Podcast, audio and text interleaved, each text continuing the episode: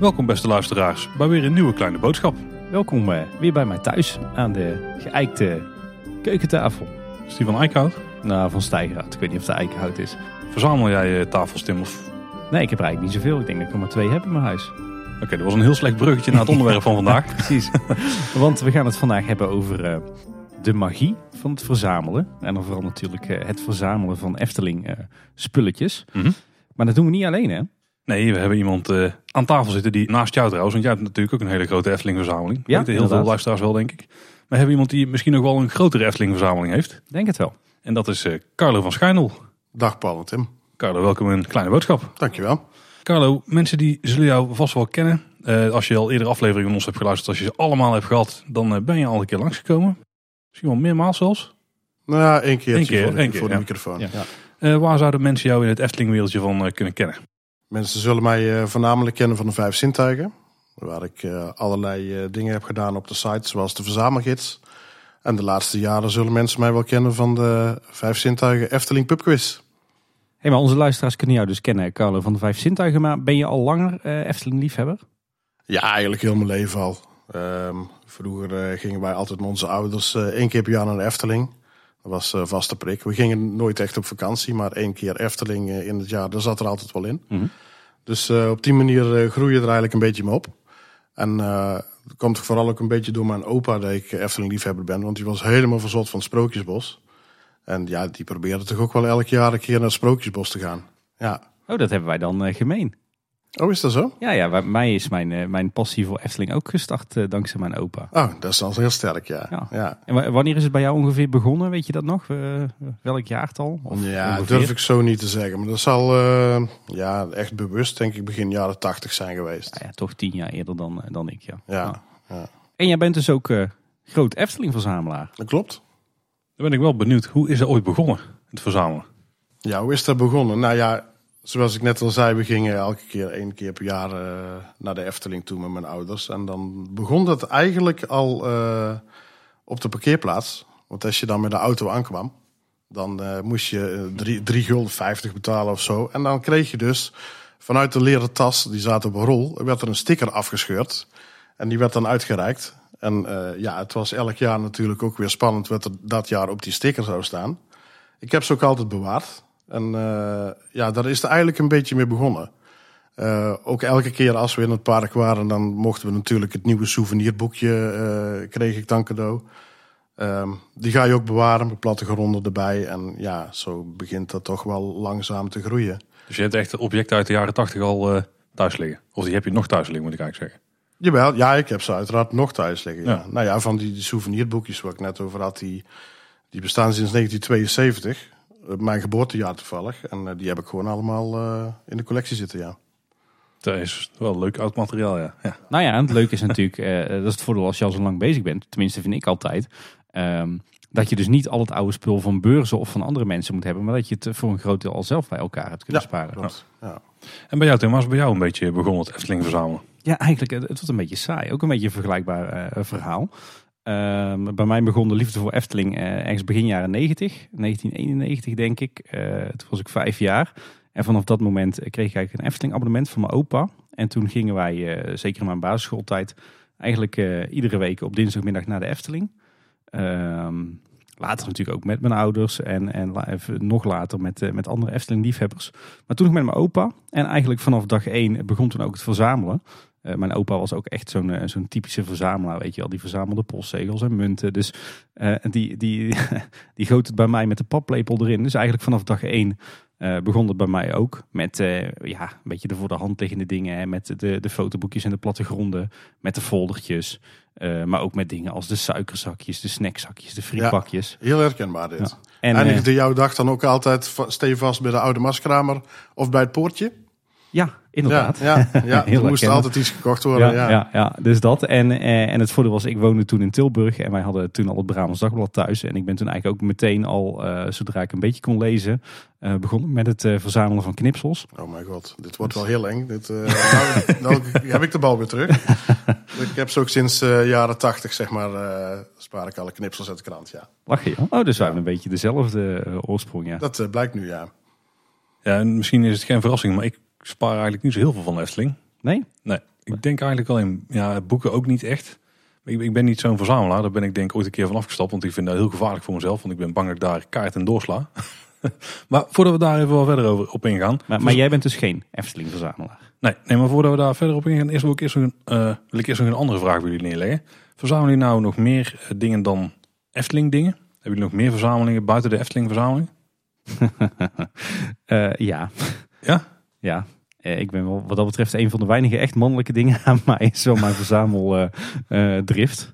nou ja, als je hier rondkijkt, dan zou je kunnen denken dat ik eh, kindertekeningen en eh, kinderspeelgoed Ja, eh, ook. verzamel. Maar dat komt meer eh, omdat ik natuurlijk midden in de kleine kinderen zit. Nou ja, eh, ik, ik verzamel ook eh, spulletjes van eh, andere pretparken, eh, dierentuinen, musea. Eigenlijk alle toeristische attracties. Natuurlijk lang niet zo intensief als dat ik dat bij de Efteling doe. Eh, dus dat is wel een, een verzameling van mij. Ik doe dat eigenlijk ook met alle reizen die we maken.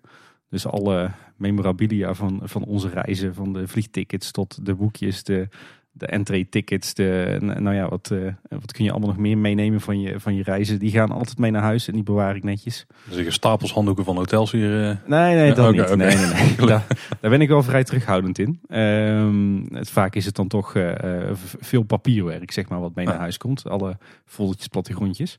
Dus dat doe ik wel. Ehm, ja, wij hebben ook een hele grote boekenverzameling.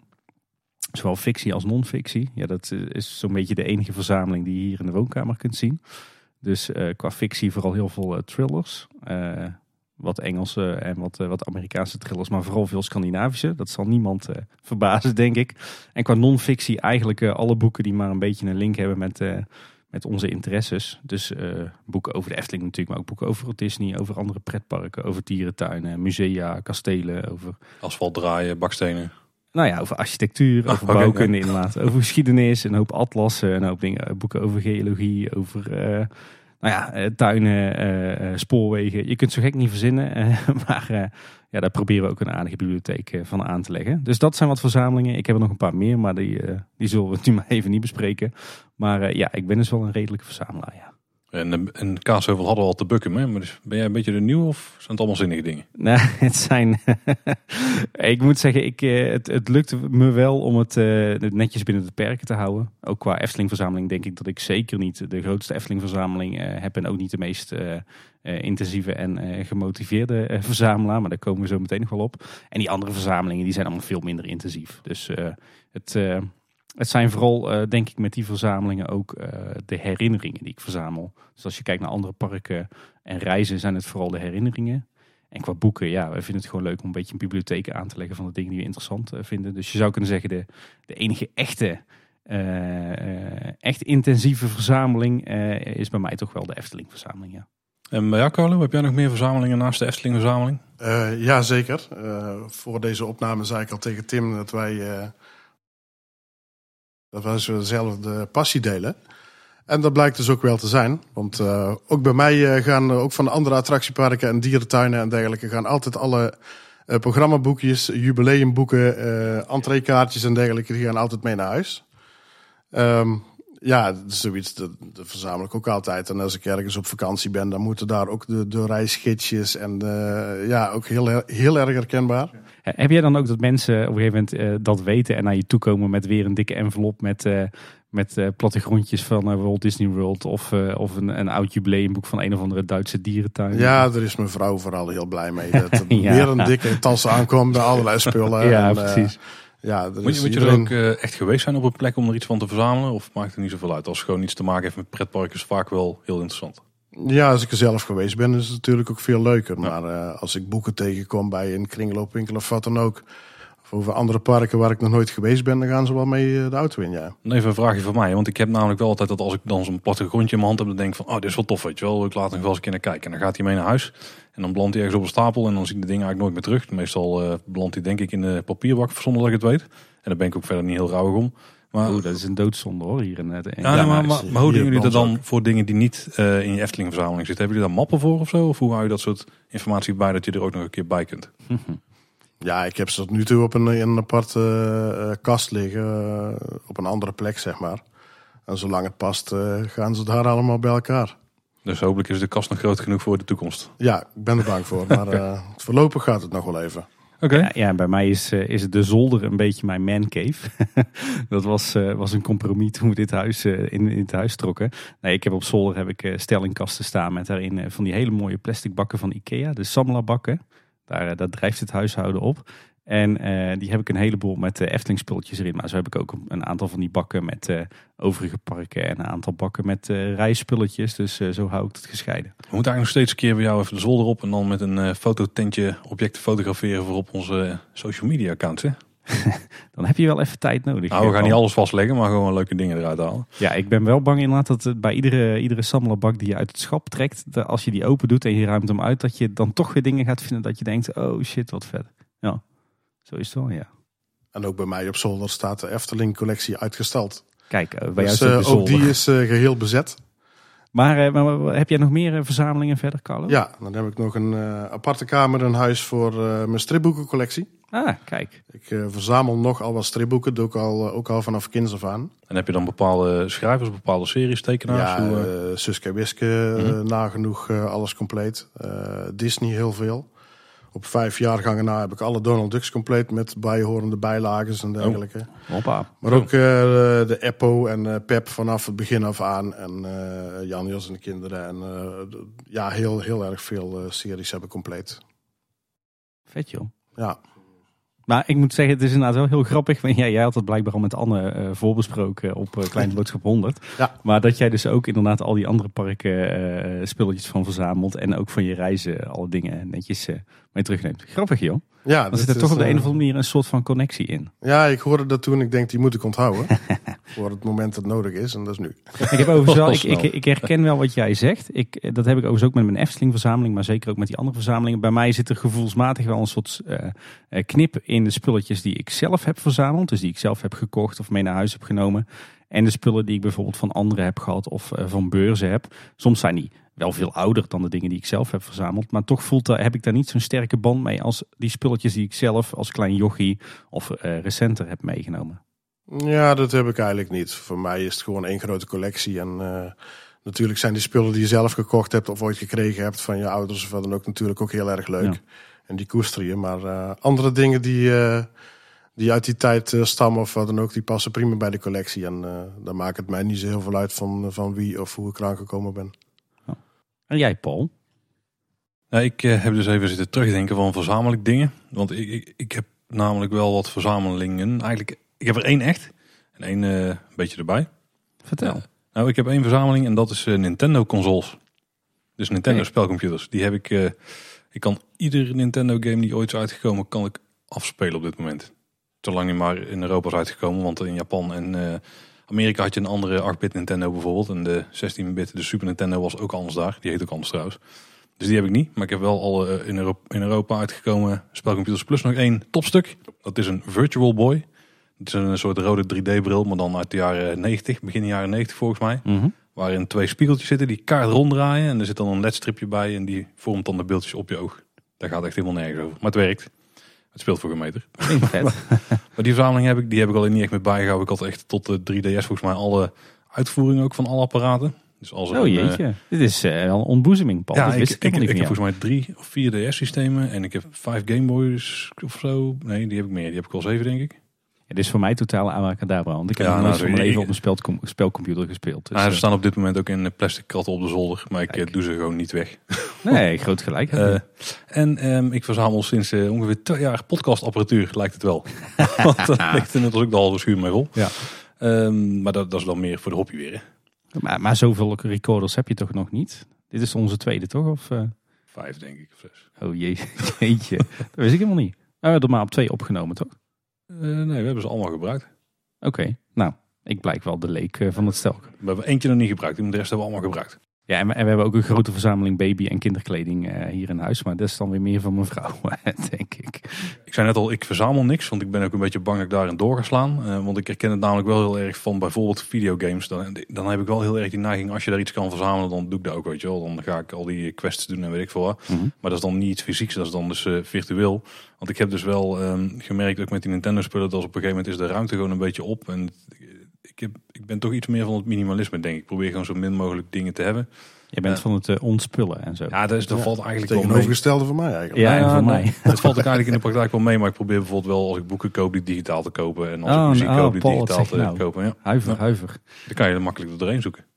Nee, je moet een boek moet je op Ja, schoot dan moet je pakken fysiek en in dan, handen hebben. Ja. en dan bladeren en Ik kan ruiken. een iPad ook gewoon vasthouden. Kun je daarin bladeren, Paul? Ja? Ja, virtueel. Maar Het ruikt niet, ruikt niet naar drukwerk, Paul. Kan, dat dat klopt, het ruikt niet naar drukwerk, nee. nee. Maar als ik op het toilet zit wel. Nou, die Goed. knippen eruit. maar ik, ik ben dus meer van... eh, Ben, ver- ben jij een digitale verzamelaar dan? Ben jij er zo eentje die terabytes aan, eh, aan, eh, aan eh, foto's en documenten en websites en, eh, heeft opgeslagen? nou, foto's wel, maar niet, eh, niet specifiek over een onderwerp of zo. Het zijn gewoon foto's die ik dan zelf heb gemaakt van familie. Er zitten ook wel Essling foto's tussen, maar dat is dan meer toeval. Want Oké. mijn telefoon zinkt die gewoon automatisch. Ja, nee, maar ik vond jou wel zo'n type die zeg maar alles opslaat wat hij online Ja, vindt. nee, ik ben heel slecht in organiseren. Ja. Ook digitaal. Oké, Dus als ik, ik moet apps hebben die daarvoor me doen. je hebt geen Systemen? mappenstructuur of zo zelf ingericht op je computer. Wel ooit mee begonnen, maar nooit afgemaakt. Dus eh, Nee, you fall through the basket, eh, Paul. Ja. Ja, ja. Maar ik, ik probeer, ja, ik weet niet. Ik, ik, ben, ik ben ook bang dat als ik bijvoorbeeld pins ga verzamelen, dat ik daar dan helemaal in ga doorslaan. En dat ik dan dus echt al die dingen ga opsporen op eh, iedere markt, marktplaatsachtige site die er maar is. Hmm, ja, je gebruikt heb. een gevaarlijk woord. Daar moeten we dadelijk eh, denk ik Ja, eens nee, zeker, over zeker. gaan hebben. Maar daar, eh, ik, ben, ik behoud mezelf van het gaan verzamelen om mezelf te beschermen. En vooral mijn vrouw. Want die, die geeft er helemaal niks om, denk ik, als ik daarin ga doorslaan. Nee, ik moet zeggen, ik heb, ik heb in de loop der jaren wel geleerd om eh, dat te voorkomen. Dus ik ben, ik ben wel een beteugeld verzamelaar. Ik heb het, het gevoel van ik moet echt alles hebben wat er is. Heb ik wel eh, echt al wel een decennium geleden kunnen loslaten. Maar toch, als er een nieuw eh, plattegrondje is, dan moet die wel in de verzameling. Hè? Liefst binnen een week, ja. Maar dat is misschien een speciaal plekje in je hart, plattegronden. Dat sowieso. Maar ik heb, ik heb wel zeg maar bepaalde categorieën waarvan ik wel alles wil hebben. Dus Oké, oké. ja. Zoals? Daar gaan we het zo meteen over hebben, denk ik. Eh, ik ben wel benieuwd, eh, Carlo. Ik hoef Paul niet te vragen natuurlijk. Maar eh, hoe belangrijk is voor jou zeg maar, het, het onderdeel verzamelen eh, in, je, in je totale liefde voor de Efteling? Zeg maar? Hoe, heeft, heeft zich dat in de loop der jaren ontwikkeld? Of hoe belangrijk is dat voor jou?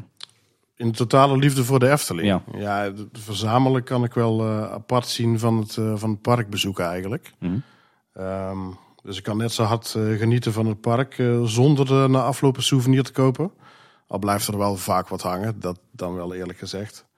Maar het verzamelen zie ik echt als een aparte hobby eh, van het bezoek van het park. Mhm. Maar als je, het zou, als je het zou moeten verdelen, zeg maar. Dus je, je hebt het park bezoeken. je hebt natuurlijk je werk voor de vijf zintuigen. het verzamelen. Hoe, hoe is dan zeg maar de totale tijd die in, in jouw liefde voor de Efteling steekt? Hoe is die ongeveer verdeeld? Nou, dan is parkbezoeken, dat doe ik dan toch wel het liefste. Dat zet Mhm. ik op 60% zeg maar. En die andere 40% die eh, verdeel ik over de vijf zintuigen en de verzameling. Oké. nou, En wat ik me dan nog wel afvraag. ehm, je hebt natuurlijk de souvenirwinkels in Efteling. Er liggen enorm veel souvenirs. Mhm. Eh, je bent niet van alle souvenirs de doelgroep. Maakt het dan nog uit wat je verzamelt? Zijn er bepaalde dingen waar je dan bijvoorbeeld niet zoveel om geeft? Ik kan me voorstellen dat kleding niet zo heel interessant is om te Nee, verzamelen. dat klopt. Kleding, eh, dat laat ik voor wat het is. Op de eh, leuke wintertruien na natuurlijk. Ja, als je ze zelf aan kan dan. Ja, ja. Nou, dat, ik kan me voorstellen dat dat een belangrijk criterium is. Maar eh, andere kleding of wat dan ook, die, die laat ik graag liggen. En, eh, maar ook al de plastic pardoes, rotzooi en dergelijke, die, ja, dat trekt mij niet zo. Dus dat, dat laat ik allemaal wel aan, aan me voorbij gaan. Maar dan is het toch niet zo heel vaak dat je bij een winkel bent en dat er ook echt iets nieuws is wat niet in die categorie valt. Als ik, niet om de Efteling nou te dissen, maar de laatste tijd zie ik wel veel plastic constructies of eh, ja, de kinderkleding. zo. zijn ze dan ook wel weer bezig met echt eh, de souvenirs zeg maar, voor volwassenen die eh, een beetje teruggaan op het Anton tijdperk. Ja. Eh, maar dat is maar sporadisch en ja, gelukkig maar, want anders dan gaat het natuurlijk wel heel veel geld kosten. en heel veel vierkante meters. En heel veel vierkante meters, ja. Dus eh, ja, nee, dus dat soort dingen die, eh, die laat ik dan eh, toch graag aan me voorbij gaan. En eh, ik heb bijvoorbeeld ook, eh, ja, net sprookjesboom en dergelijke, heb ik ook een besluit genomen om daar gewoon niks meer van te verzamelen. Gewoon puur, een, puur uit eh, ruimtegebrek. En uh, maar ja, er is ook zoveel van. Dat, dat trekt me gewoon veel minder. Maar even, nou, dan stel ik de vraag die Paul stelde iets, iets algemener. Wat zijn dan de dingen van de Efteling die jij uh, verzamelt? Of die je in de loop der jaren verzameld hebt? Misschien is daar, uh, ben je daar in de loop der jaren nog wat anders in geworden? Nee, dat toch niet. Ja, het zijn dan, ja, zoals ik al zei, die souvenirboekjes, de stickers, waarvan ik denk dat ik ze ongeveer allemaal heb.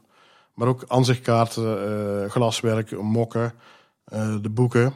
Uh, oude entreekaartjes, folders, dat soort uh, dingen. Uh, attractiesouvenirs, ook altijd heel leuk.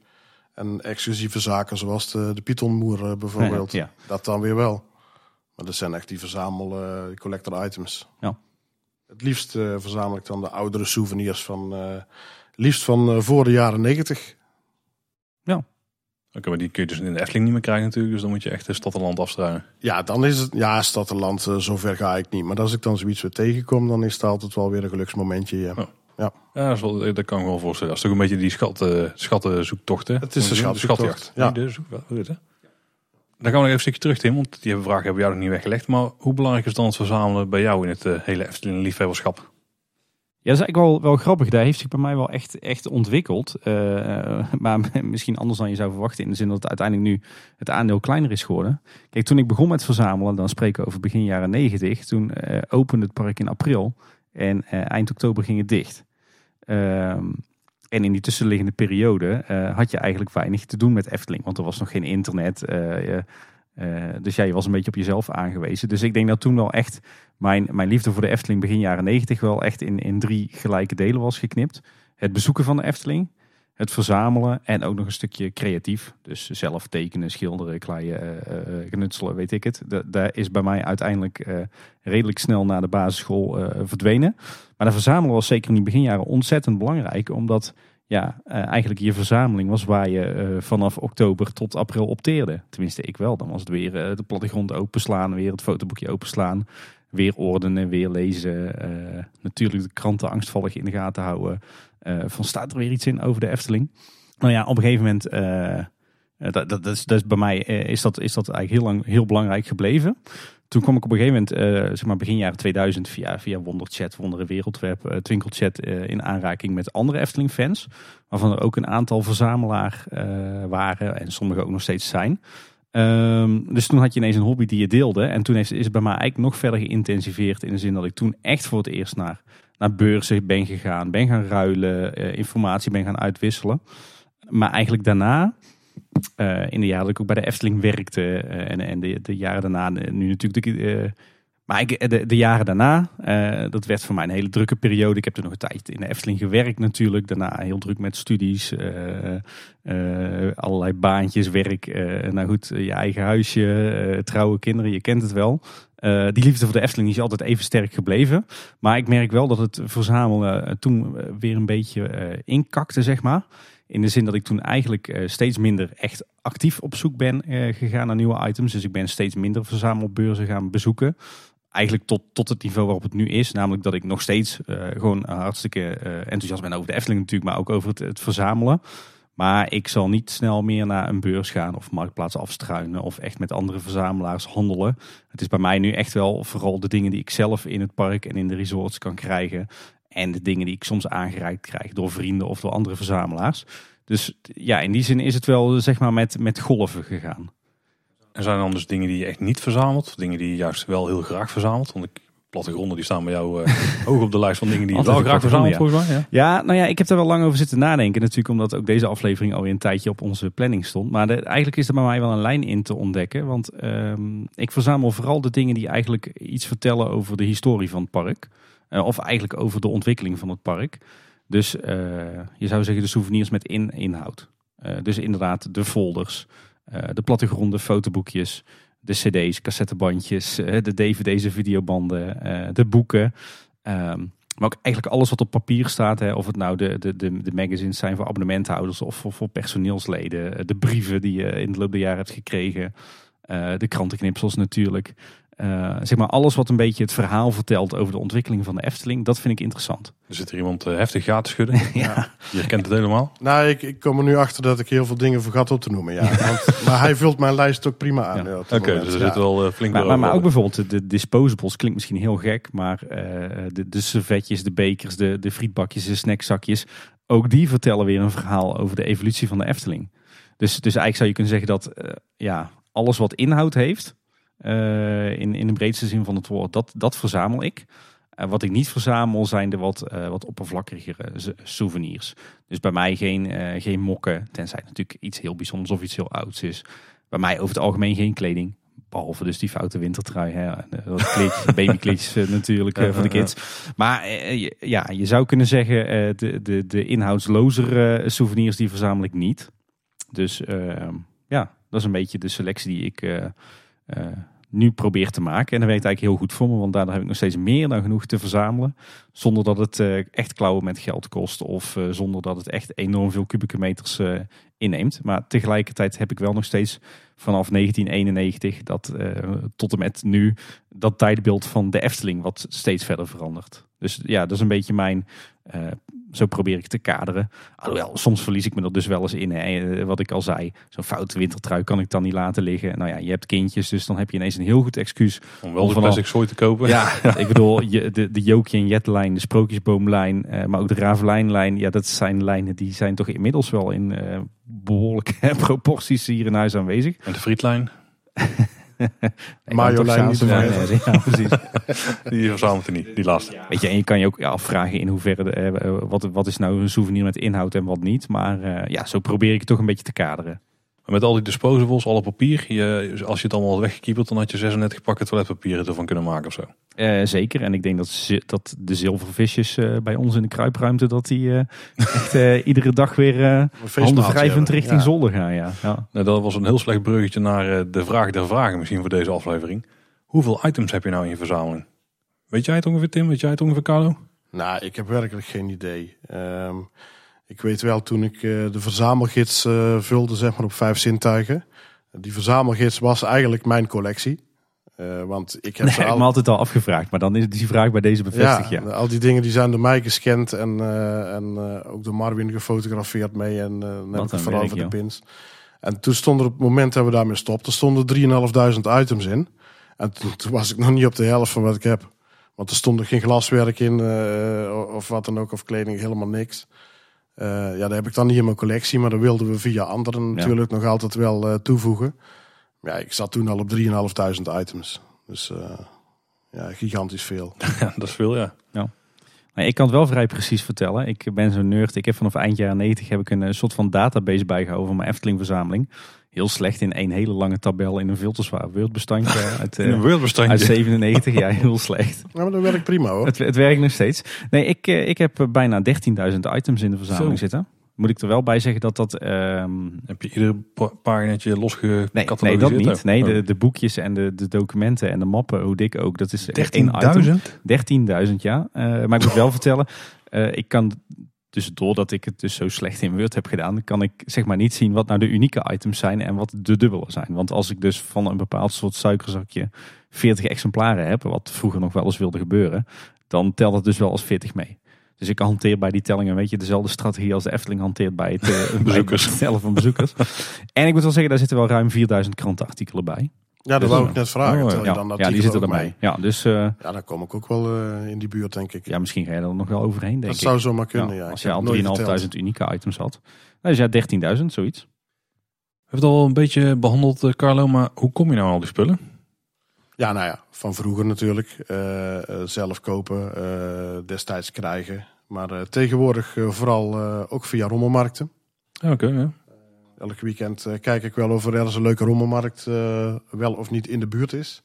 Ja, en daar hoop ik dan altijd weer wat leuks te vinden. En eh, ja, verder, want ook hier zitten we weer op één lijn, Tim. Ik schrik ervan. Normaal gezien heb ik aan de andere kant van de microfoon iemand zitten die, die lang niet met mij op alle vlakken Nee, ja, maar dit is, heeft. Maar dit begint heel eng te worden.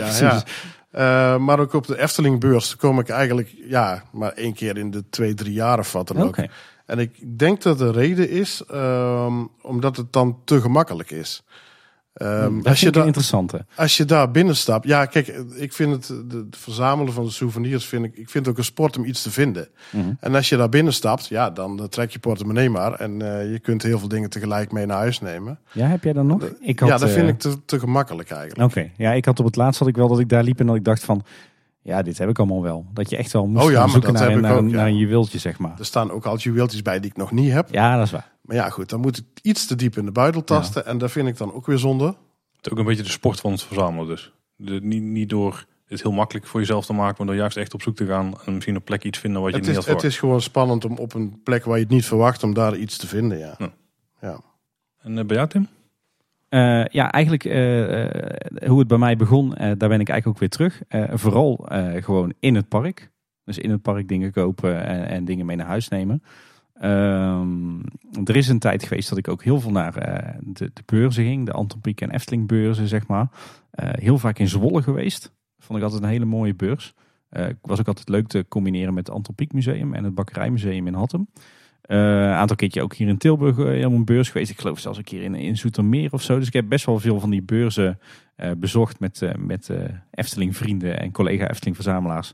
En dat was altijd echt een, een, een heel leuk uitje. En dat was echt, eh, echt genieten, weet je wel. Het kostte veel te veel geld en je nam weer veel te veel spullen mee. Maar ik, ik kon daar wel van genieten. Zeker omdat je op een gegeven moment op een punt komt dat je denkt van ja, maar dit heb ik allemaal al. En dat je dan net ergens onder een stapel met, met, met rommel en spullen, dat je dan net even dat ene vindt waarvan je denkt van oh, dit is gaaf. Eh, dus, dus dat heb ik een tijdje gedaan. Dat doe ik nu niet meer. Ook deels gewoon uit, eh, uit tijdgebrek en ook omdat ik er niet meer zoveel geld aan, eh, aan uit wil geven. Ehm, ja, en toch ook wel steeds meer eh, eh, andere mensen die me iets toestoppen. Mensen die stoppen met een Efteling-verzameling. Mensen die, eh, die een schifting gaan maken in een verzameling. Dus van een deel van de spullen af willen. Ehm, of mensen die weten van, oh ja, jij verzamelt toch alles van de Efteling of van andere pretparken. Dat je weer een, een linnen tas of een envelop of, of iets toegestopt krijgt. Ja. Dus, maar in de, in de basis is het bij mij wel vooral veel zelf meenemen. Nou is natuurlijk een van de dingen die, die best wel veel liefhebbers verzamelen, zijn de pins. De Efteling pins. Verzamelen jullie die ook? ja, ik wel. Jij Tim? Ik niet meer. Kijk, Niet meer. zitten we hier Nee. niet op één lijn. Maar wil je die collectie houden? Want anders weet ik nog wel iemand die er misschien vanaf wil. Hallo? Ja? Nou, Of die er vanaf wil, die ze graag wil misschien, eh, ja, ik kan dat zeggen, ja. Nou ja, ik moet zeggen, bij mij is zo. Ik, ben- ik heb geloof ik de eerste, het eerste jaar of de eerste twee jaar heb ik, eh, heb ik ze intensief verzameld. Dus al die echt oude pins, die heb ik nog. Die wil ik daarom ook houden, want dat zijn de allereerste pins natuurlijk. Dus dat heeft dan net wel weer meer waarde. Maar uiteindelijk heb ik uit, uit zelfbescherming heb ik er toch voor gekozen om ermee te stoppen met dat deel van de verzameling. Omdat er gewoon te veel geld ging kosten. Maar ook te veel tijd en te veel moeite. Want ja, ik heb dan toch, als ik dan denk van nou, ik wil pins verzamelen, dan wil ik ze ook echt allemaal hebben. Ja, en goed, Carlo, dat kan jij dadelijk wel beamen, denk ik. Maar dan, dan is het een a job om dat voor elkaar te krijgen. Dus daarom heb ik op een gegeven moment uit zelfbescherming al gezegd van, nou ja, laat maar zitten die pins. Hey, er Alle- zit toch een beetje een overeenkomst weer, Tim. ja, maar dat, wat, dat Met mij dan. Al, al- alhoewel ik dan wel, als er dan echt een hele mooie pin of een hele bijzondere pin uitkomt, dan kan ik toch weer niet die neiging onderdrukken om hem wel te kopen. Heb je de Fabula pin gekocht? Nee. Oh, die was eigenlijk wel heel mooi, Vind jij. vind ik. maar, maar vertel, hoe is dat dan om pins te verzamelen? Ja, hoe is het om pins te verzamelen? Vooral duur. ja, dat wou ik zeggen, ja. En eh, ja, het kostte in- inderdaad enorm veel moeite. Eh, zeker de laatste tijd als de Efteling de pins gaat eh, hypen. Door ze van tevoren aan te kondigen. Dan, eh, zeker als het attractiepins zijn. Dan kun je er tegenwoordig donder op zeggen dat je wel eh, aan het begin van de dag aanwezig moet zijn. Want anders heb je pech. En dat bleek eh, vorig jaar december ook wel met, eh, met de Fabula pin. Die was gewoon binnen een uur eh, was die ongeveer uitverkocht. Nou, kleine oplagers dan, hè? Duizend stuks vind ik weinig voor Ja, maar vroeger, ze, ze hielden de eerste oplage van 1200 aan. Maar omdat ze altijd met een heel hoop pin bleven zitten, hebben ze besloten om er duizend van te maken. Ja. En sinds eh, de Bob-pin eh, eh, springt iedereen, weer, iedereen er weer Ja. bovenop. Ze zijn ook een beetje slachtoffer van hun eigen succes dan, zou je kunnen zeggen. Ja, nou ja. Gewoon weer opschalen dus. Dat zou Eigenlijk, eigenlijk wel beter zijn, ja. Ja, ik moet dus een soort optimum zin te vinden van we verkopen er altijd wel minimaal 1200 of zo. Ja, of misschien naar het type van de pin kijken. Maar, maar ik denk dat we van pins nog wel een keer een eh, compleet losse aflevering kunnen maken. Want volgens mij is er best wel veel over te vertellen. Nee, je wil ze allemaal los, eh, los langslopen dan. Maar ik ben wel benieuwd, Carlo, heb je dan ook echt als, het, als pin, eh, een bepaalde pin bijvoorbeeld op eh, zaterdagochtend 6 december wordt verkocht, dat je dan ook echt zorgt dat je om 10 uur voor de deur ligt? Of? Dan zorg ik wel dat ik in ieder geval eh, vroeg op de dag, ik probeer er wel in te plannen, dat ik er dan op tijd bij ben, ja. Ja. En wat ik me altijd af, al afvraag is, zijn de pinverzamelaars nou ook echt zo'n, eh, echt weer een, een apart sociaal groepje? Ken je nou ook andere pinverzamelaars en is dat altijd koffie en koek bij je? Ja, In de dat is heel vaak wel, ja. Ja, ik sluit daar zelf niet bij aan, moet ik eerlijk zeggen. Want ik verzamel de pins echt voor mezelf. Eh, maar er zijn inderdaad groepen die, eh, die dan ook echt afspreken in het park om, eh, om dan ook een gezellige dag van te maken. En dat is natuurlijk ook hartstikke leuk. Heb jij de officiële kleine boodschappin eigenlijk? De officiële kleine boodschappin. Nee, die, die heb ik niet. Nee. Ik denk dat ik er nog wel eentje in de tas heb zitten. Krijg echt? je die straks maar? Ja. Kijk, dat is Bij mooi. deze geregeld. groeit de collectie weer, zie je. Ja, naar huis met iets. Hij wordt niet heel veel groter rond. Het is echt een mini, minuscuul pinnetje. Ja, ja, goed. ik kan in ieder geval van één item erbij tellen. Ja, precies. En we zijn kleine boodschappen, Paul. Ja, dat is ook zeker. Kleine pin, kleine boodschap. Nou, ik denk dat het mooie eh, van verzamelen is dat er altijd wel een paar items bij zitten die heel bijzonder voor je zijn. Ik heb mijn eh, Virtual Boy natuurlijk. Hè? Ja, een 3D-bril afval. Ja, zeker. Eh, die kan je niet om je hoofd doen. Die moest op een statiefje staan trouwens. Maar dat terzijde. Ehm hebben jullie nou nog topstukken in jullie verzameling zitten? Je hebt al wat dingen meegenomen, dus ik vermoed dat die wel bijzonder zijn. Maar Eh, ja, ik heb heel veel, eh, maar die heeft Tim ook eh, parkfolders. En de oudste die ik heb is eh, uit 1954. Ik weet niet hoe dat bij jou zit. Ja, Dat dat, is dat durf ik zo niet uit mijn hoofd te zeggen. Ja, Maar die, komt er is ook wel ergens jaren dan, eh, 50. die ja. heb ik dan meegenomen. Echt zo'n eh, zo'n dun oud fotje. Waar je echt heel voorzichtig aan moet pakken, anders valt het uit elkaar. Ook waarschijnlijk dankzij die zilvervisjes. Eh, verder topstukken. Ja, ik, ik heb eh, nagenoeg alle stickers die ooit zijn uitgebracht. Eh, dat geldt ook voor de aanzichtkaarten. Eh, ik mis er eigenlijk maar een paar. Dat is wel heel, heel indrukwekkend hoor. Dat je, dat je bijna alle aanzichtkaarten hebt. Ja, ik mis er echt maar een paar. Maar er zijn dan ook echt de topstukken. Die kom je op Marktplaats of zo ook zelden tegen. En als je ze tegenkomt, ja, dan, eh, dan kun je er ook een paar tientjes eh, Ja. voor neertellen. Maar ze zijn ook zo weg. Want eh, er zijn echt die, die zeldzamere kaarten, zeg maar. Maar ik, ja, ik, ik heb ruim 500 aanzichtkaarten, denk ik, verschillende. Van, de oudste dateert uit 1937, nog van de speeltuin. Ik heb er nog hier ook eentje bij uit 1945. Eh, ja, dus dat zijn wel hele mooie, mooie topstukken eigenlijk. Ehm, ik heb hier ook liggen een eh, ongebruikte drie rittenkaart van de stoomcarousel. Oh, ik, ze- ik, eh, ik lig hier gewoon, ik kwel hier van mijn stoel af, eh Carlo. Eh, dat is echt nog een originele rittenkaart waarbij de drie ritjes ook nog eh, genummerd eh, aan het kaartje zitten. Eh, dus dat is ook wel, ja, ik, ik, ik heb geen idee waar ik het ooit gevonden heb, maar het, het is überhaupt een wonder dat je het vindt. Want vroeger moesten die kaartjes gekocht worden en Ja. deze zijn gewoon niet gebruikt. Dus eh, dat is ook wel een eh, topstuk, maar wat ook heel weinig ruimte in beslag neemt. Maar dit moet toch wel iets zijn. Dit, dit heb je ergens op een beurs zien liggen onder een stapeltje onbeduidende spullen. Ik En je dacht bij jezelf, hebben ik geen idee meer heb waar ik het vandaan heb. maar ik heb het en dat is het belangrijkste. Ja. Ehm, dan heb ik eh, buiten het papierwerk om heb ik eh, een eh, beeld van die, eh, van die wijzende man, zeg maar, die bij de ingang van de Indische waterlelie staat. Oh, cool. Ehm, die is in- ooit in twee versies uitgebracht. Eh, eentje zoals hij daar op die sokkel staat, met dat hij naar rechts wijst naar de ingang. Maar hij is ook uitgebracht in een versie dat hij met zijn twee handen in zijn zij staat. En dat blijkt eh, achteraf eh, gezien de meest zeldzame te zijn. En die heb ik in mijn collectie. Puntgaaf. Wow. Eh, daar ben ik heel erg trots op. Die heb ik ooit een paar jaar geleden zelfs pas gevonden. Op een buitenrommelmarkt. Een oud vrouwtje die had wat kleding en alles op de kraampje liggen. En ik kwam er langs en ik dacht van, het zal toch niet? Dus ik ging dichterbij kijken. En ja, dat was dat beeldje. En ze vroegen maar liefst eh, 3 euro voor. Nou, nou. Dus eh, als ik had eh, gewild, had ik nog af kunnen pingelen. Maar dat heb ik toch maar niet gedaan. Ehm, dus dat is een heel bijzondere, dat is, dat is echt wel een topstuk eh, wat ik heb. Ja, verder heb ik nog een, eh, een, eh, een echte eh, luchtfoto eh, gekregen van de Koninklijke Luchtmacht. Mhm. Destijds is gewoon een echte foto gemaakt uit de straaljager, zwart-wit, van het oude eh Ruigrijk. Wow. Dus toen alleen nog maar de, de Python er stond en, eh, en de halve maan. Ja, van dat soort dingen. Ik heb die, eh, jullie hebben pas geleden met de spellenaflevering heb je het over gehad over het Volk van Laafspel. Ja. Daar heb ik ook die originele display van met vijf van die spellen er nog in. Mm. Eh, ongebruikt uiteraard. He- Heb jij ook de Laafkrant nog uit begin jaren ja, 90? ja, die heb ik zeker, ja. Ja, In meerdere, meerdere versies kwam die volgens mij. Ja nee, die heb ik inderdaad eh, ook, ja. Ik denk dat dat een van de eerste souvenirs is die ik ooit heb gekocht. Bij de Lutiek toen nog.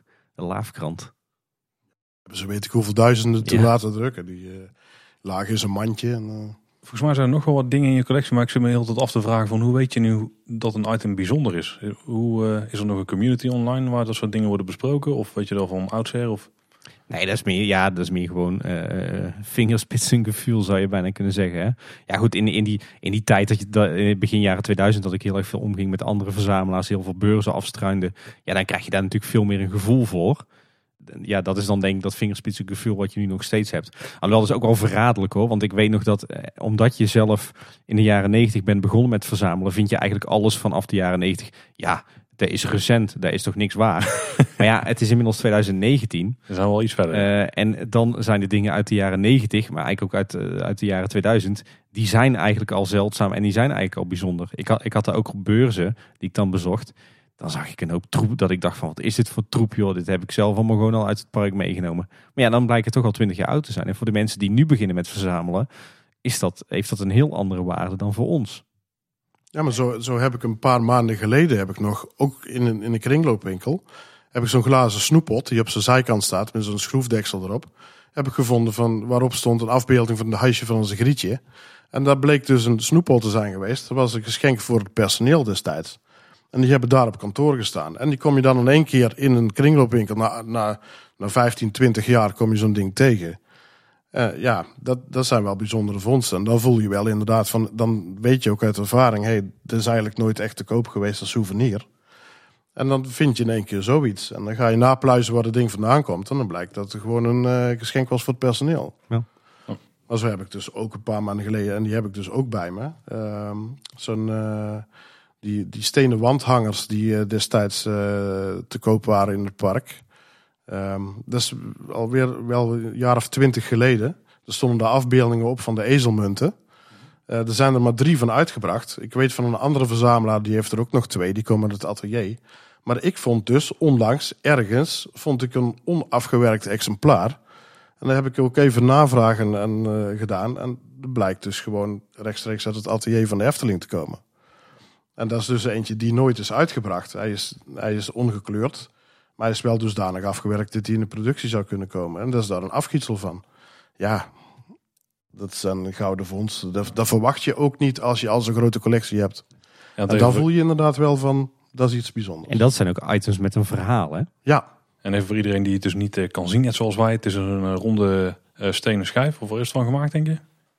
ja ik denk van een soort, eh, ja, zal het zijn? Een soort speksteen. Ja. En er, staat, er zit een dikke rand omheen en daar staat dan eh, papegaai op. En daarboven nog een afgewerkt eh sierrandje. Ziek ding, ja. Ja, en ik begreep dat je laatst eh, dankzij Kleine Boodschap ook nog op strooptocht moest. Hè? Nou, in jullie aflevering over de, de geschiedenis van de Efteling eh, had jij, Tim, eh, twee boeken gebruikt van Eduard Steenbergen. Mhm. Waarbij jij dus zei van, eh, mocht je die boeken nog willen, heel veel succes mee. Ja, dit is voor mij dus een trigger om op zoek te gaan. Graag gedaan, eh, Carlo. ja, alsjeblieft. Heeft me geld gekost. Want ik heb eh, op een zaterdagochtend dacht ik van, ik rij naar Kaatsheuvel en ik begin gewoon een speurtocht naar die twee boeken. En eh, deel 2 dacht ik van, daar zal ik nog wel aan kunnen komen waarschijnlijk. Maar deel 1 had je al gezegd, die is totaal uitverkocht. Maar ik kwam in Kaatsheuvel, ik denk ik begin bij de plaatselijke boekhandel. En daar stond dus deel 2 gewoon in het schap, tot mijn verbazing. Eh, en toen gaf ik bij de kassa aan, ja, nu nog op zoek naar deel 1. Ja, zei die mevrouw, dat is al lang uitverkocht, daar kom je nooit meer aan. En toen raakten we in gesprek en toen kreeg ik van haar eh, de naam van de dochter van Eduard Steenbergen. Die werkte dus een eh 50 meter verderop in een ander winkeltje. Toen ben ik daar naar binnen gelopen, raakte ik met haar in gesprek. En die vond mijn verhaal zo leuk dat ik op zoek was naar die boeken. Die, ik kreeg meteen het adres en telefoonnummer van haar vader. En voordat ik het wist, eh, zat ik binnen een uur bij Eduard Steenbergen thuis. En heb ik eh, twee uur binnen gezeten. Ik heb al het, eh, al het eh, oorspronkelijke materiaal waar het boek van is gescand, zeg maar, heb ik allemaal in handen gehad. En hij had nog één exemplaar liggen. En dat heb ik over mogen nemen van hem. Kijk, dat is Dus ik denk, ik begin een speurtocht. ik weet niet waar die eindigt. Maar dezelfde middag nog had ik allebei de boeken. Fantastisch. Klassieke Kaatsheuvelse gasvrijheid, hè? Ja, inderdaad. Ja, Ja. die lag er dik bovenop. Ja. Ja, tof. Jij, Tim, heb jij nog bijzondere stukken in jouw collectie? Ja, ik vind het altijd heel lastig om dit soort lijstjes te maken. Dat weet jij inmiddels wel, Paul. Um, ja, dat geldt hier ook weer voor. Ik denk dat als je bij, bij iedere bak eh, die je bij mij op zolder opentrekt, vallen wel weer bijzondere dingen uit. Uh, dus ja, ik heb een beetje voor de vuist weg wat, wat, wat items geselecteerd. Een van mijn lievelingsobjecten is toch wel de, de originele plattegrond uit 54. Mooi ingelijst nu. Is natuurlijk, bestaat de Efteling uit niet heel veel meer dan een sprookjesbos en een speeltuin en wat vijvers. En eigenlijk de manier hoe ik eraan ben gekomen is eigenlijk ook gewoon al een onderdeel van waarom dat ik het zo bijzonder vind. Ik weet nog dat ik op mijn verjaardag zat van, uh, van uh, onze oma. Uh, die is inmiddels helaas overleden vorig jaar. maar dat een van haar zussen naar mij toe kwam. Oh Tim, jij verzamelt toch van alles van Nefteling? Ik heb nou toch weer teruggevonden een oude agenda van mijn basisschooltijd. Dus ik ondertussen al snel terugrekenen natuurlijk. En er zat nog een plattegrondje van de Nefteling in. En die wou ik weggooien, maar ik denk misschien wilde jij dat wel hebben.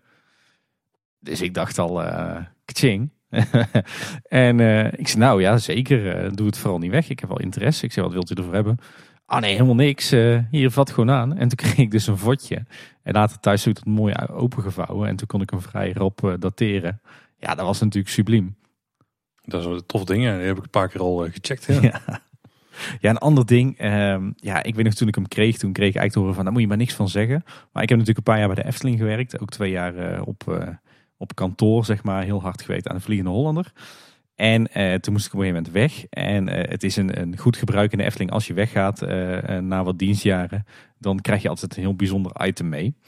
En zo ook ik, bij mijn afscheidsreceptie. ja, ondanks dat ik eigenlijk maar, maar een paar jaar bij de Efteling had gewerkt natuurlijk. Maar ik had wel heel hard gewerkt aan de Vliegende Hollander. En als afscheidscadeau hadden ze voor mij zo'n leeuwtje. Zo'n leeuwenkop, zeg maar, die je in de huiskamer van Willem van der Dekken hebt mhm. tegen het plafond aan die balken. Hadden ze, hadden ze afgegoten. Uh, mooi op een, op een, hout, een blok hout, zeg maar. Mooi gebijt, mooi in kleur gedecoreerd. En daaronder staat dan succes met uitvliegen, Hollander. Hè? Referentie naar de Vliegende Hollander natuurlijk. En op de achterkant alle namen en handtekeningen van alle projectteamleden. Met wie ik dus echt twee jaar heel intensief had samengewerkt. Ah, tof. En ja. Uh, ja. dat is gewoon een uniek souvenir. Ik bedoel, en het is natuurlijk uniek dat je een originele leeuwkop uit de Vliegende Hollander hebt liggen. Maar ja, dat, dat kleeft, kleeft natuurlijk ook aardig wat emotionele waarde aan. Ik was toen nog een heel nuchter, nukkig jochie. Maar toen had ik het toch wel even te kwaad hoor. Ja, en verder, ja, weet je, ik kan, ik kan bezig blijven. De moeren van de Python vond ik ook zo'n leuke. Ik had zelf... Uh, geregeld dat iemand in de rij ging staan om, uh, om zo'n moer te kopen. Dat waren natuurlijk de moeren uh, uit de lifthill. Maar later bleek dat er nog, ook nog een grotere moer was. Ja, en die heb ik. Namelijk echt ik heb, inderdaad. Ik heb de kleine niet. Ah, oké. Ja, ja. nou, ik had dus alleen de kleine. Uh, maar wij zijn toen in die, in die periode, zijn wij toen als kleine boodschap best wel veel gevraagd door de Efteling van wil je even je verhaal doen daar op die radiozender en daarbij die opname. Heb ik toen een paar keer gedaan met veel plezier. En op een vrijdagmiddag uh, stond ineens een, uh, iemand uh, van Efteling Communicatie voor de deur op zijn fietsje. Van, nou Tim, we willen jou bedanken voor alles wat je, wat je hebt gedaan. En die had dus de grote Pietelmoer bij. Ja, dat is dan ook wel weer schitterend natuurlijk. Ja, wat ook, ook een heel mooi souvenir is. Ik ben benieuwd of jij dat hebt, Carlo. Um, maar een paar jaar terug, in een van de eerste winter Eftelingen, werden er ineens in het verlies... werd er oud serviesgoed van het café-restaurant verkocht. Oh, ik heb iets gemist, geloof ik. Ja, uh, ze hadden toen denk ik een of andere opruiming gehouden in het café-restaurant. En ineens werden er uh, in het verlies dus setjes van, ja, volgens mij een, een dinerbord, ontbijtbord, soepbord en nog een kommetje verkocht. Met het Efteling-logo. En heel precies weet ik het niet te dateren, maar dat moet uit de jaren 50 zijn. Dat hadden ze dan leuk ingepakt in een cellofaantje met wat, wat snoepgoed erbij. Nou ja, dat cellofaantje en het snoepgoed boeide mij natuurlijk niks, want er werden gewoon originele serviesgoed uit het café-restaurant met Efteling-logo uit de jaren 50 verkocht. Ja, dat is het oranje logootje met dat kasteeltje, toch? Ja, ja. precies Ik heb wel de soepbord, dat heb ik wel. Okay. Maar ik heb die pakketjes niet gezien. Nou, ik, uh, ik heb, nou ja, die waren ook heel rommelig ingepakt, want in het ene set zat weer dat en in de andere set zat weer dat. Ik, ja, toen moest ik natuurlijk wel uh, ze alle vier hebben. Het waren vier items. Dus toen ben ik ook uh, aardig wat tijd kwijt geweest met het, het uitvissen van de juiste pakketjes. En uiteindelijk heb ik toen een compleet setje weten te bemachtigen. En dat vond ik toch ook wel een heel gaaf. Vind ik nog steeds een heel gaaf souvenir. Ja, verder uh, mijn krantenknipsels. Vind ik ook wel nog steeds een topstuk. Ruim 4000. Ja, dat is gewoon heel leuk. Want je volgt gewoon eigenlijk van 1991 tot nu de ontwikkeling van de Efteling. Het voordeel dat ik dus destijds in Tilburg woonde, nu in Kaatsheuvel, heb je eigenlijk alles wat er is gebeurd in de Efteling, heb je op papier. Ja, ik heb ook eh, de- de- de- toch ook volgens mij zo'n beetje alle boeken eh, over de Efteling wel. Paar zijn heel zeldzaam nu. nu hè. Mam, een duppie voor de kip bijvoorbeeld. Mam, ik wil het paard over de, de stoomcarousel. Ja. Eh, ja, de chroniek van een sprookje is natuurlijk niet heel zeldzaam. Maar dat vind ik qua boeken wel echt een, eh, het, het, het ultieme jubileumboek wat ooit is uitgegeven. Dat is ook eh, het topstuk uit mijn Efteling collectie. ja. En het, het, nu het, het boekje van Bob Venmans, dat gele boekje, geel-groene boekje. Dat is Ja, natuurlijk ook dat wel zit ook in mijn collectie. Maar ik heb bijvoorbeeld ook stapels en stapels personeelsmagazines van de Efteling van, eh, van de afgelopen twintig jaar. Eh, natuurlijk zelf uit mijn tijd dat ik er werkte, maar ook uit heel veel andere collecties op de een of andere manier. Nou, ik denk dat als je ze op elkaar stapelt, dat het wel 20 centimeter aan personeelsmagazines is. Ja, dat is natuurlijk ook een enorme bron van informatie. En ik kreeg laatst kwam er een luisteraar eh, van ons naar, eh, naar me toe. En die zei, hey, onze mam die heeft nog een map gevonden op zolder met allemaal knipsels over Anton Pieck. En er schijnen ook wel dingen van de Efteling bij te zitten. Wil je die hebben? Nou ja, wil jij ze niet hebben dan? Nee, ik doe ze weg. Oké, Eh, nou kom maar op dan. Dus ik op een gegeven moment dat mapje in ontvangst genomen. Thuis eh, openmaken natuurlijk. Ja, en daar zat dan toch gewoon een originele plattegrond van de Efteling uit 1965 bij. Bijvoorbeeld. Maar ook de parkfolders uit eh, 1985 en 1987. Ehm, maar ook een, een Engelse folder uit eh, eh, begin jaren 60. Eh, maar ook van die, ja, die krantjes die ze in 83 en 84 uitgaven als een soort van ja, promomateriaal. Ja, dat zijn ook allemaal schatten van informatie over wat er toen allemaal speelde, weet je wel. Dus ja, zo ja, ik rol van het ene in het andere topstuk, zeg maar. Ja, je bent eigenlijk nooit klaar op dit gebied. Nee. Er Nee, is zoveel uitgebracht. Volgens mij heb je de eervolle vermelding al eh, gehad inmiddels. Of niet? Heb je die ook nog? Nee, ik, eh, ja, wat ik zeg, ik, eh, dat- dat- ik heb zelf ook gewoon geen goed beeld van eh, op, de, op dit moment voorhanden van wat ik nou allemaal heb. Ja, dat gaat ook bijna niet met zoveel items. Maar ik, eh, ja, net als Carlo heb ik ook heel veel oude folders, ook heel veel aanzichtkaarten. eh. ja, maar ook bijvoorbeeld disposables uit de jaren 50, hè, suikerzakjes uit de jaren 50, eh, dat soort dingetjes. Ja, weet je, ja, wat zijn je topstukken? Ja. Ja, waar je heel veel waarde aan echt, denk ik. Of Ja. heel bijzonder waren. Hey, als ik hier rondkijk, je zei het net al, je hebt hier niet heel veel spullen staan uit jouw verzameling. Ik zie wel een eh kunststof twinkeltoors liggen, maar die is meer uit de kinderverzameling, denk ik. Je hebt, Ik wou net zeggen, er staat toch zat spullen hier in de woonkamer, maar het Ja, weinig eh, Eftelings getint, hè? klopt. Valt dat tegen? Nou ja, ik vroeg me dus wel af van, je hebt de zolder waar je dingen eh, opslaat, maar je hebt bijvoorbeeld ook zo'n eh, leeuwenkop. Maar staat die dan ook daar? Of heb je wel ergens een plekje waar je bepaalde dingen uitstalt? Nou ja, heel veel mensen verwachten bij mij van Tim heeft een Efteling kamer of zo. Of een, of een Efteling woonkamer, maar eh, helaas. Ehm nou ja, bij mij is, eh, wat ik al zei, de zolder is echt wel de man cave. Dus op zolder staan bijna al mijn verzamelingen. En eh, daar staat ook alles van de Efteling in één lange stellingkast. Het meeste in, in die plastic bakken, dus netjes hermetisch afgesloten en opgestapeld. En wat er niet in past, staat netjes op de planken ge- gerangschikt. Dus ik heb niet echt een tentoonstelling. Bij mij is het echt vooral opslag qua verzameling. Vind ik ook wel jammer hoor, maar Je zou dus wel een eh, Efteling museumpje willen hebben in je huis. als ik daar eh, de, de ruimte voor zou hebben en de tijd voor zou hebben, wel. Maar eh, even heel praktisch en reëel gekeken, eh Gaat hem dan niet worden. gaat hem daar qua tijd en qua ruimte mo- zeker momenteel niet, niet worden. Nee. En jij, Carlo, heb jij een Efteling museumpje thuis? Ja, letterlijk. Ja, Ja? op zolder. Tof. Ja, dat is gewoon een eh, complete ruimte helemaal ingericht met, eh, met de Efteling. Staat er dan alles wat je hebt in de verzameling of is dat een deel maar wat je dan vindt om Eh, eh, het grote gedeelte, want ja, de dingen net als eh, de krantenknipsels en dergelijke, dat is lastig uitstallen. Ja. Dus dat zit Ja. allemaal in de ordners of ook in dozen of wat dan ook. maar daar ben ik al tien jaar van plan om daar allemaal uit te zoeken, maar ja, je kent het wel. Je kan er gewoon niet van. Kunnen wij elkaar de hand schudden? Ja, ja, daarom. Dus, en daar heb ik dan ook echt een, ja, soort tentoonstelling van gemaakt met ook het bijhorende licht en geluid. Oh, ook. En, ook eh, geluid. ja. Oh, ja, gewoon ik zet ja, de, de- gewoon de, de parkmuziek eh, erbij Ah, of oké. Efteling muziek en dan eh, overal de gekleurde verlichting. eh, ja, op een leuke Eftelingse manier uitgelicht, zeg maar.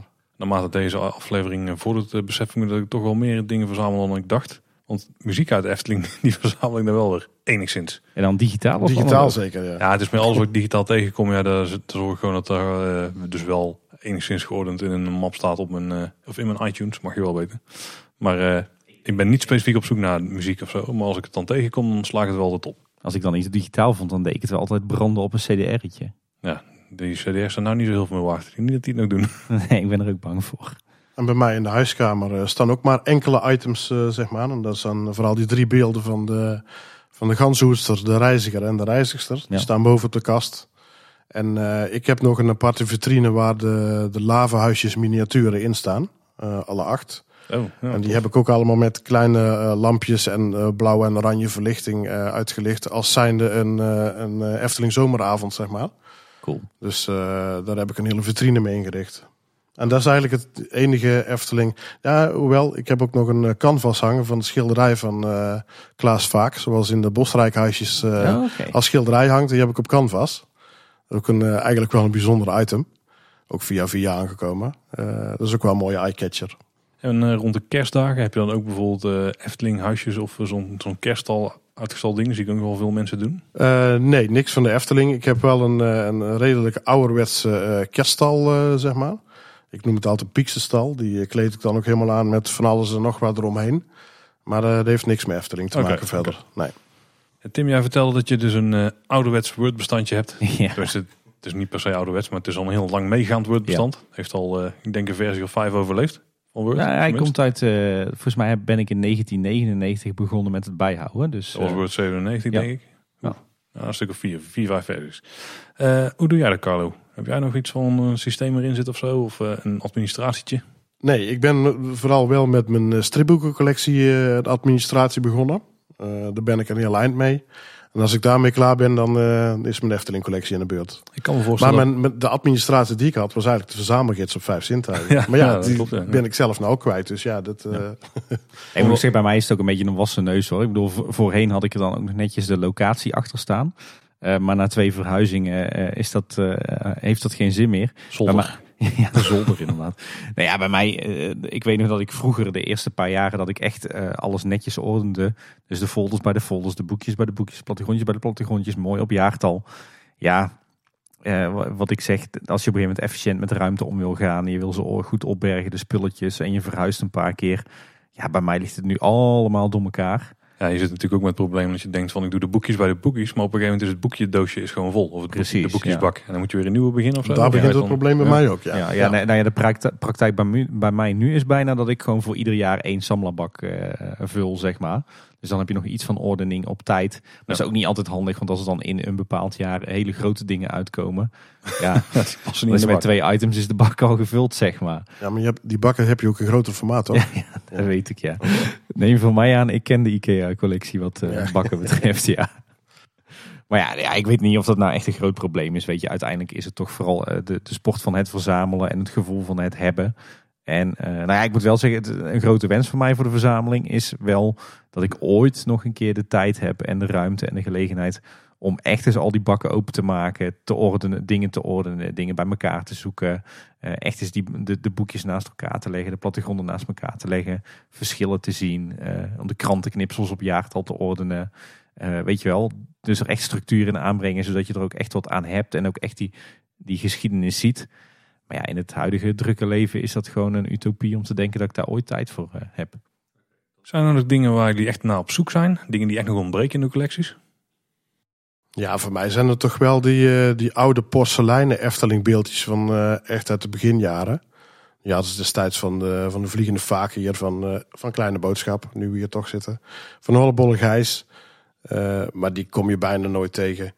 Eh, ik ken wel iemand die eh, heeft daar een hele grote collectie van. En die vind je dan vooral in België. Dat is heel raar, want hier vind je ze bijna nergens, maar in België wel.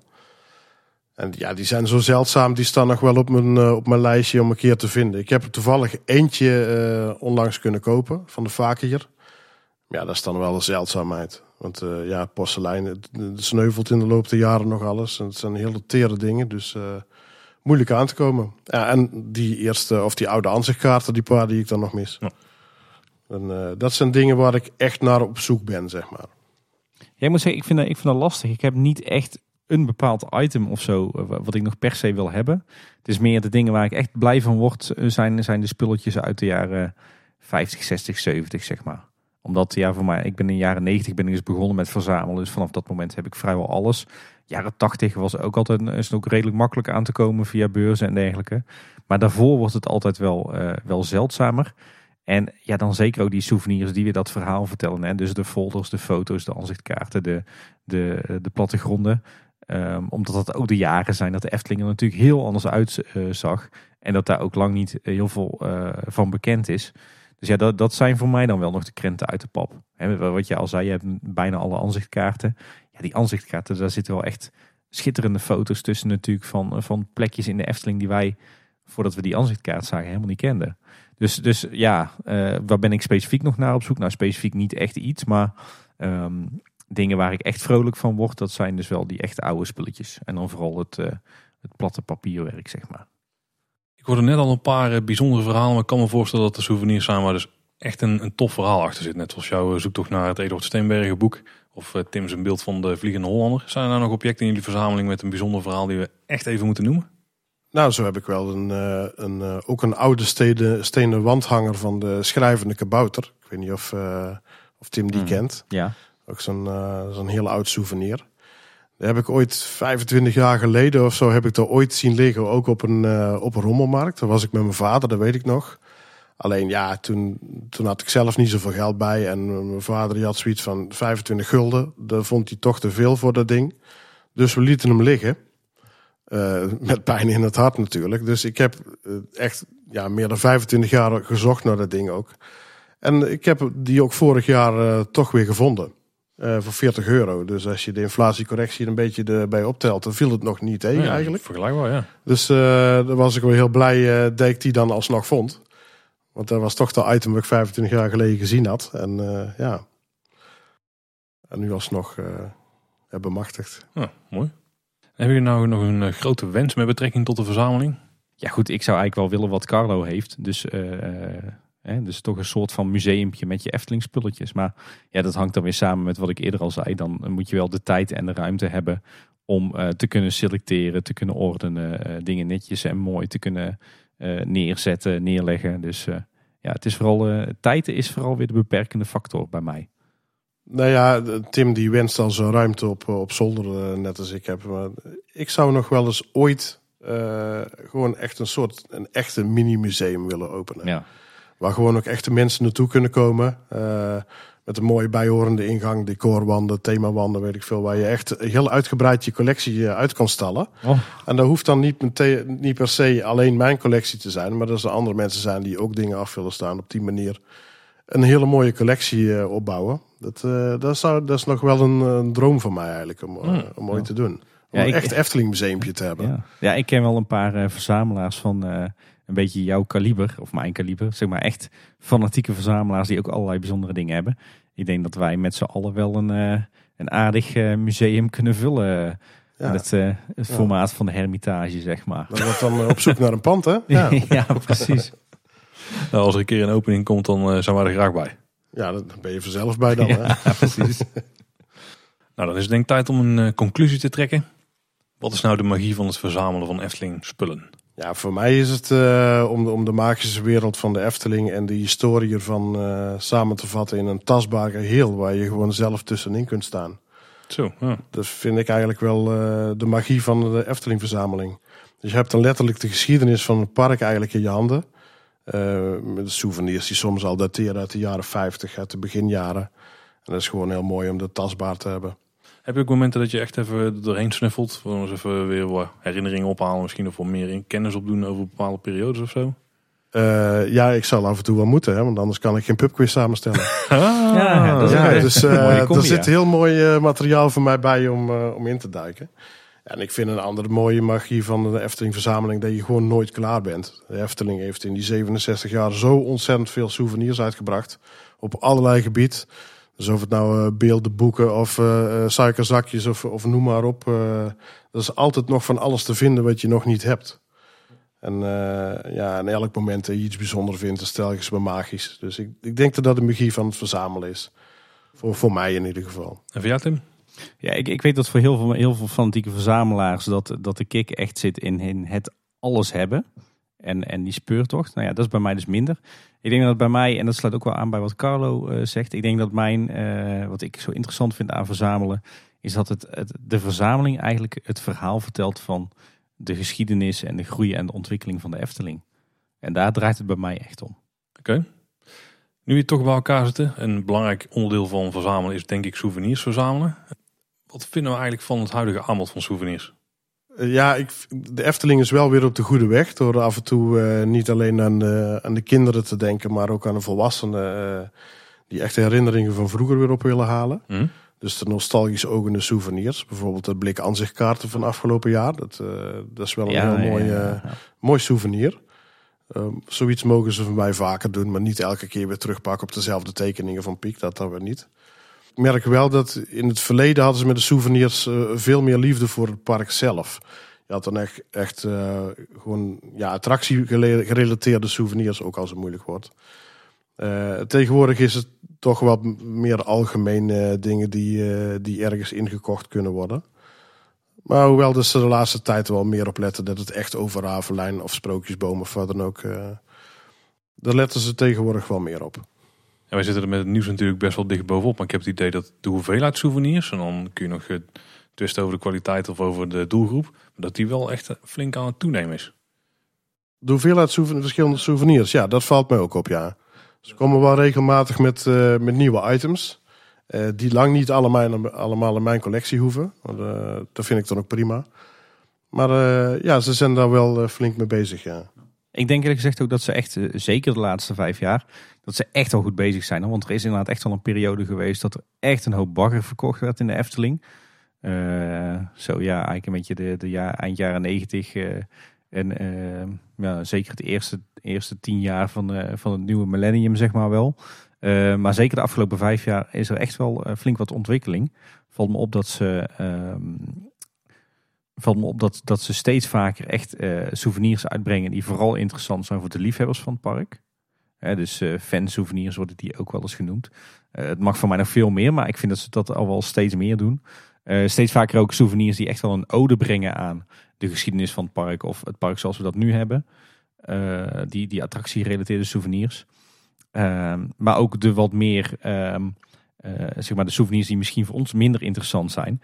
Ik denk dat de kwaliteit ook vooruit gaat. Als je bijvoorbeeld kijkt naar de kleding. Ja, ze hebben tegenwoordig echt fantastische kledinglijnen hangen. Van goede kwaliteit, waarmee je echt wel gezien eh, zou eh, willen worden misschien. Maar ook bijvoorbeeld de Jokie en Jet lijn, de Sprookjesboomlijn, de Ravelijn-lijn. En die zijn allemaal heel erg gericht op bepaalde leeftijdscategorieën.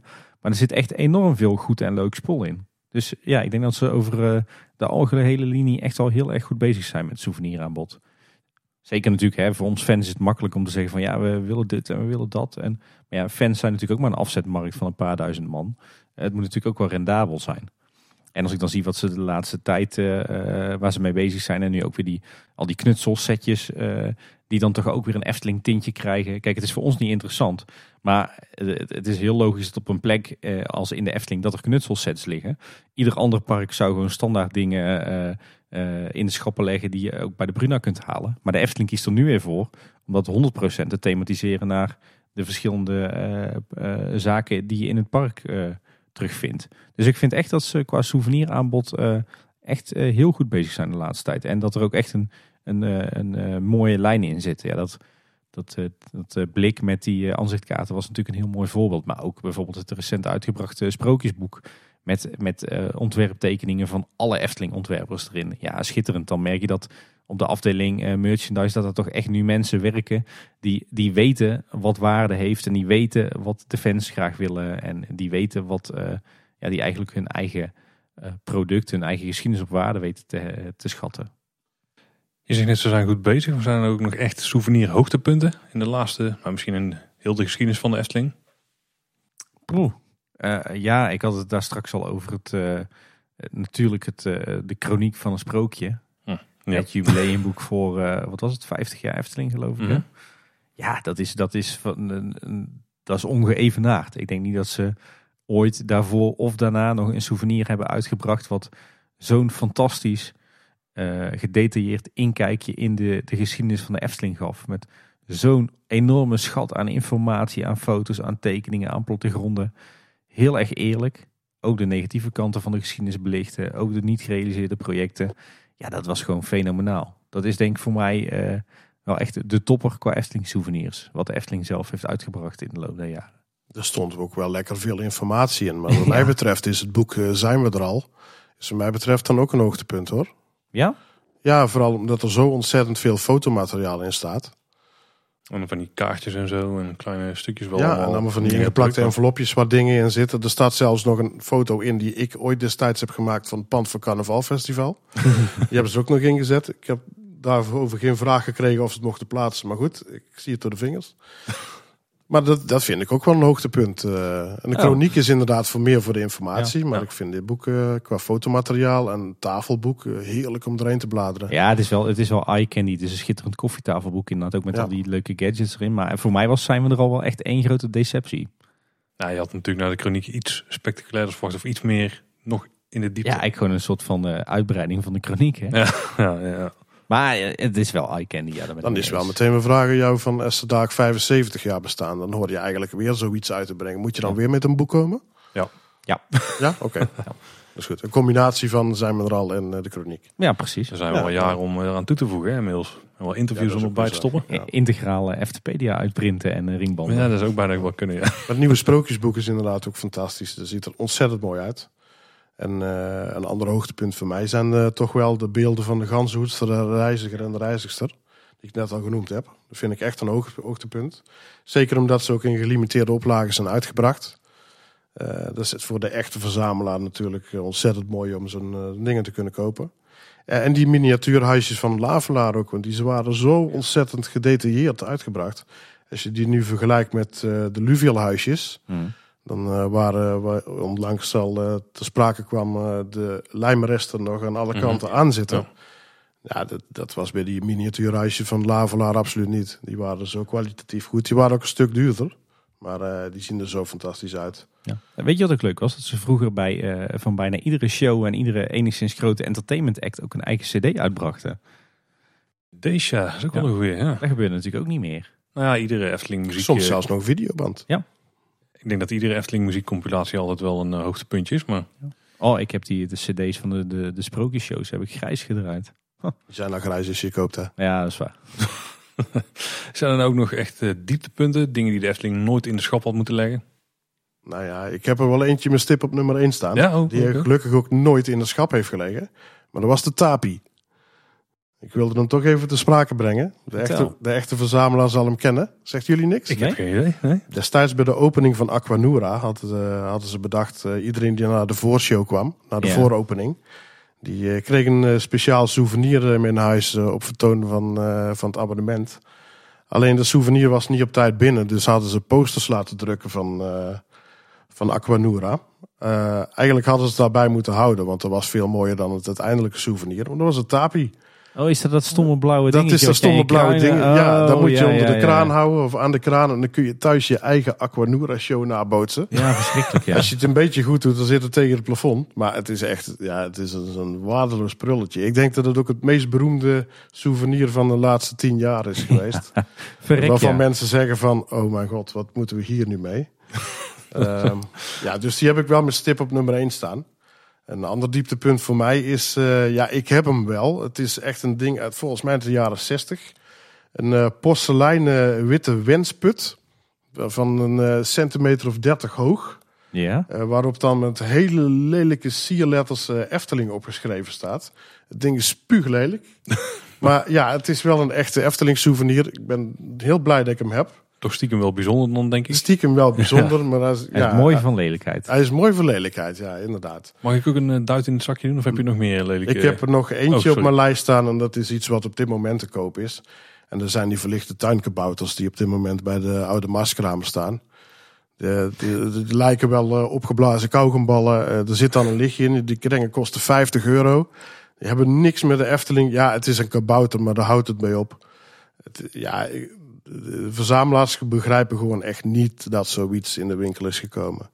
Maak dan een speciale kabouter die nog enigszins op een, uh, op een echte kabouter lijkt het, uh, uit het Sprookjesbos. Maar dat is ook een dieptepuntje op dit moment. Ja, dat sluit eigenlijk wel aan bij mijn dieptepunt. En dat is eigenlijk gewoon uh, alle souvenirs die, die nu nog in de schappen komen, die niet speciaal voor de Efteling zijn gemaakt. Denk ik, dat moet je gewoon niet doen.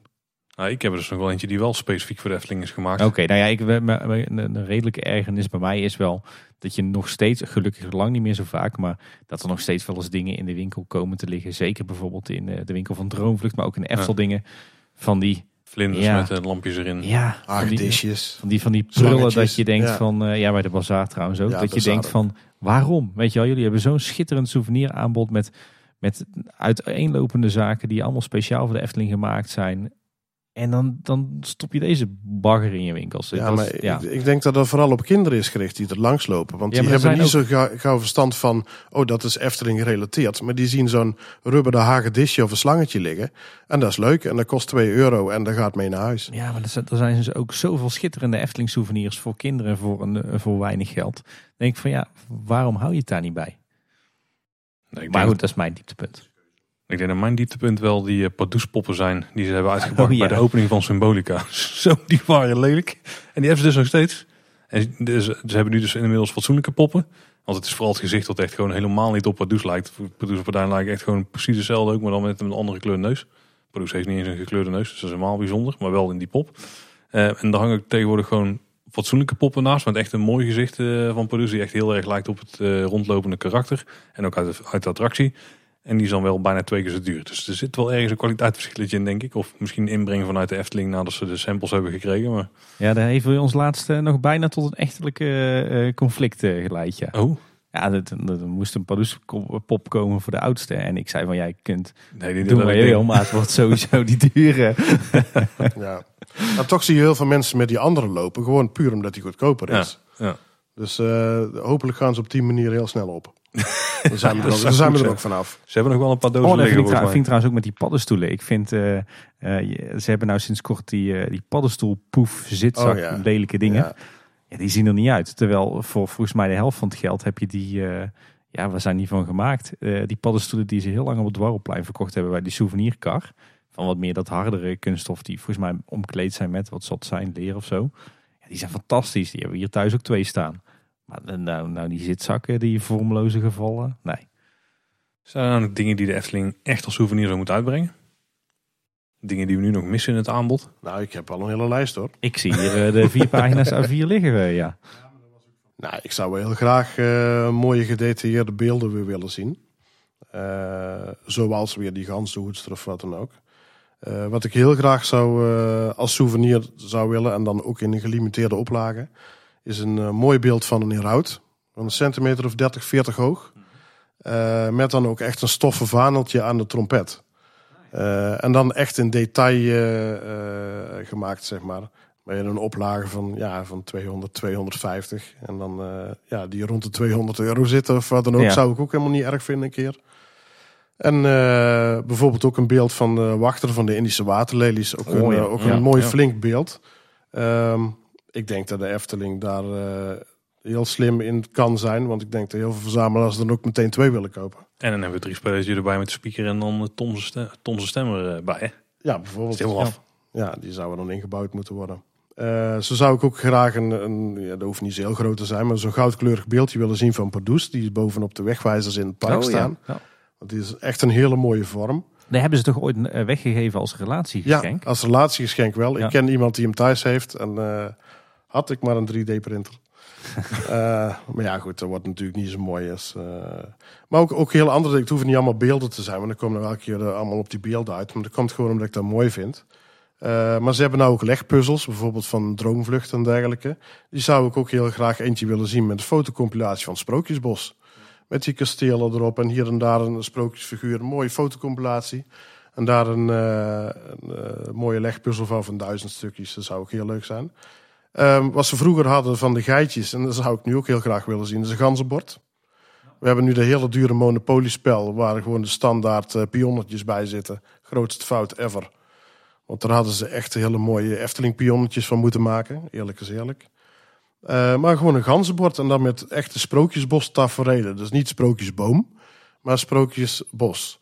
Eh, bijvoorbeeld, eh, ja, als je in de put belandt, dat is de put van vrouw Holle. Eh, de gevangenis is dan eh, Hans die, eh, van Hans Grietje. Die in, de- ja, het kan, het kan zo eenvoudig zijn. Dan heb je een heel simpel bordspel, wat helemaal niet duur eh, hoeft te zijn. En ja, wat toch weer een heel bijzonder souvenir kan zijn. Ja. Mhm. Ja, ik geloof dat Paul in mijn afwezigheid ooit eens een aflevering van twee uur heeft gemaakt over bordspellen en Efteling. Ja, dat klopt, ja. ja. Ja. Maar er kwam deze niet langs. Nee, Eh, een ander simpel souvenir, was, die heb ik nog heel veel van vroeger. Posters. Ja, Gewoon hele mooie posters. eh, attractieposters. att- attractieposters zoals Disney doet. Die kan heel mooi van die steampunk Oh, ja. eh, Oh, attractieposters smelt, maken. smelt, ja. Of die, die blauwdruk die ze laatste, die laatste die eh, Efteling liefhebber zelf had gemaakt. Zoiets, bijvoorbeeld. die, maar ze kunnen gewoon van voertuigen. Symbolica, of ik heb er dan toevallig een van, van de Baron. Die heb ik ook via via gekregen. Maar ja, zoiets, ik denk dat heel veel mensen dat gewoon mooi vinden om op te hangen in de huiskamer of, of, of weet ik veel wat. En dat is een heel eenvoudig souvenir eigenlijk, waar maar een paar euro hoeft te kosten. Voor de kleine portemonnee lijkt me dat prima. Ehm, nog een, ik heb nog een paar ideetjes, als het nog mag. Ja hoor, wij zijn van Ehm, de lange lijstjes hier. Oké, eh, ik zou een mooi eh, gedetailleerd pop-up boek willen zien van Al Rijken.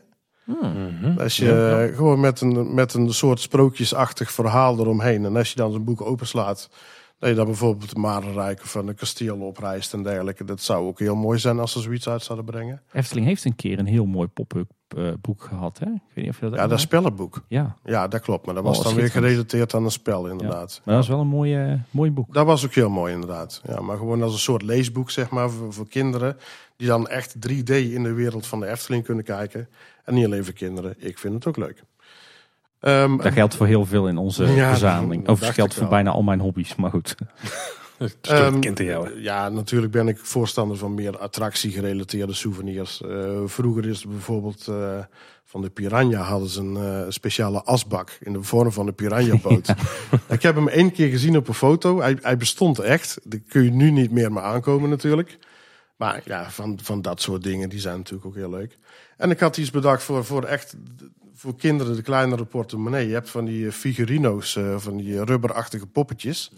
Van een centimeter of vijf of zo, zo groot. Ehm, die zou ik eigenlijk heel graag wel willen zien van Carnavalfestival. En zo een hele Ah, serie van eh 10 tot 20 figuurtjes of wat dan ook. Legt die ook in de bakken bij de kassa. Waar de kinderen lekker kunnen graaien. Mensen met een kleine portemonnee kopen er één of twee. Verzamelaars kopen ze allemaal. Maakt helemaal niet uit. Maar zo'n hele serie van, van, die, van dat soort poppetjes. Vroeger had je ze van Joki. Ja. Ik weet niet of jij ze hebt. En je hebt zoiets wel Ja. gehad van een supermarkt spaaractie of zo, toch? Ja. Ja, maar dat waren echt van die, van die, echt van die hele Van die kleine ja. eh, plastic eh, dingetjes. Eh, maar dit echt van, zie je, ja, van die figuren van 5 Mhm. tot 10 centimeter, zeg maar, van die Echt rubberen van, figurino's, ja. ja.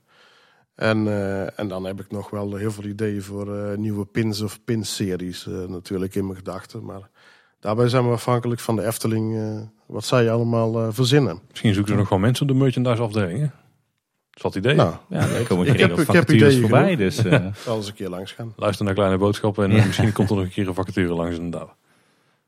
Ja, Tim?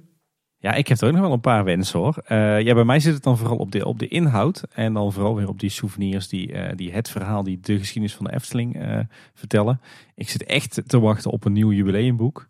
Eh, waarbij eh, natuurlijk aandacht voor de, de laatste twintig jaar, wat we in de Chroniek van Sprookje eh, nog niet hebben gezien.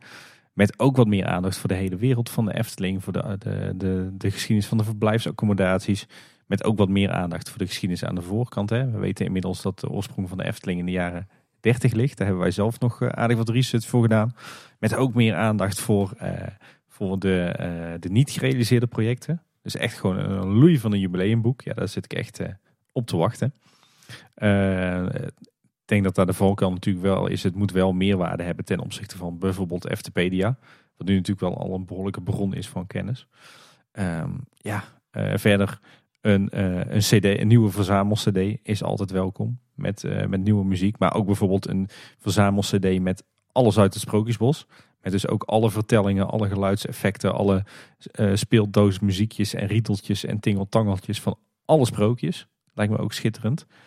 Ehm, en eh, ja, een soort eigen Eftelingse eh, zeg maar, versie van de Imagineering boeken. Dus- ja, Dus ja, ja, ja, bij ja, een ja, aantal ja. grote attracties eh, gewoon boeken waarin we alle tekeningen, schetsen, bouwtekeningen, bouwfoto's, de verhalen achter de totstandkoming vanuit de ontwerpers, de, de easter eggs, de, ja, ja, de, eigenlijk gewoon boeken die het, het, het volledige verhaal vertellen over waarom is die attractie, waarom ziet die er nou zo uit, waarom zijn bepaalde ontwerpkeuzes gemaakt, eh, het landschap, het exterieur, interieur, decoratie, vormgeving. Ja, Die zet ik er even bij op mijn lijst. 100% mee eens, Tim. Echt, ja, ja. ja, ja. Helemaal mee eens. En dan, dan buiten dat idee, want dat is echt absoluut het meest gouden souvenir idee ooit. Dan uh, staat mijn boekenkast ook zo vol. Want dan zou digitaal niet zo heel goed werken, denk ik. Maar dan doe ik ze beide.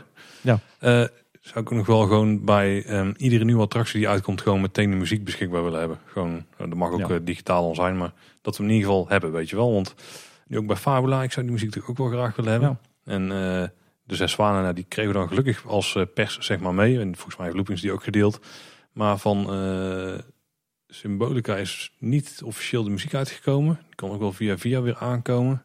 Maar hoe, hoe vet zou het zijn als je dus gewoon een attractieboek hebt. Hè? De en dan, Symbolica en, uh, en daar dan, dat daar dan ook nog wat, uh, wat, uh, wat lito's in zitten van ontwerptekeningen en de cd met alle muziek. Ja, de cd is voor mij niet zo praktisch, want die kan ik nergens afspelen. Maar, maar als er dan een downloadcode bij zit, Precies. ik helemaal voor. Ja, ja dat, is ook schitterend. Ja. Nou, nee, zeker. Ja. Maar los van het digitale, ik had al lang een, uh, een, een making-of DVD of uh, Blu-ray verwacht van, van Symbolica. Maar die is er ook nooit gekomen. Ja, of uh, zet alle, alle magische klok YouTube filmpjes op een DVD. Ja goed, misschien lopen wij achter in de tijd. Carlo, want, ja. of, want, op Netflix. Ja, ja, nou, ja dat is. maar ja, dat zou ik ook schitterend vinden. Ik bedenk me net trouwens dat ik nog een item heb in mijn collectie voor twee eigenlijk die, uh, die genoemd zijn. Ik heb wel toch iets van een klein collectietje. Ja, dat blijkt. Ja, en dus, ik heb twee echt enorm mooie foto's gekregen, uh, redelijk recent, uit de Efteling. Van de Efteling. Oké. Okay. Echt, uh, die, zijn, die heb ik jou nog niet laten zien, denk ik. Of Nee. Hm, dat is de volgende keer als we bij ons opnemen, zou ik ze even laten zien. Maar die heb ik van iemand cadeau gekregen, daar ben ik heel blij mee. Ja, en verder dingetjes, weet je wel, net zoals de, de, de, het blokje hout van de Pegasus en de Pythonmoeren, weet je wel, dat soort souvenirs, ja, daar kan ik alleen maar voor zijn alle echte fan-gerelateerde uh, souvenirs, of althans souvenirs die echt bedoeld zijn voor de diehard fans, ja, daar, uh, daar ben ik voor.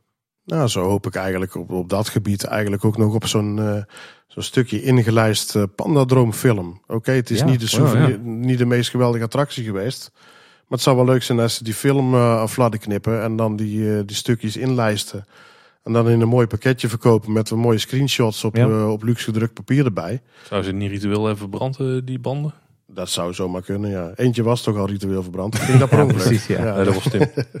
nee, maar dat zou, dat zou ik ook een heel mooi souvenir ja. vinden dan genummerd. Ja, zeker. Want dan is het mooie daarvan dat eigenlijk iedereen een ander stukje film heeft. En er waren best grote beeldjes, 70 mm op kant. Die waren wel behoorlijk, ja. ja.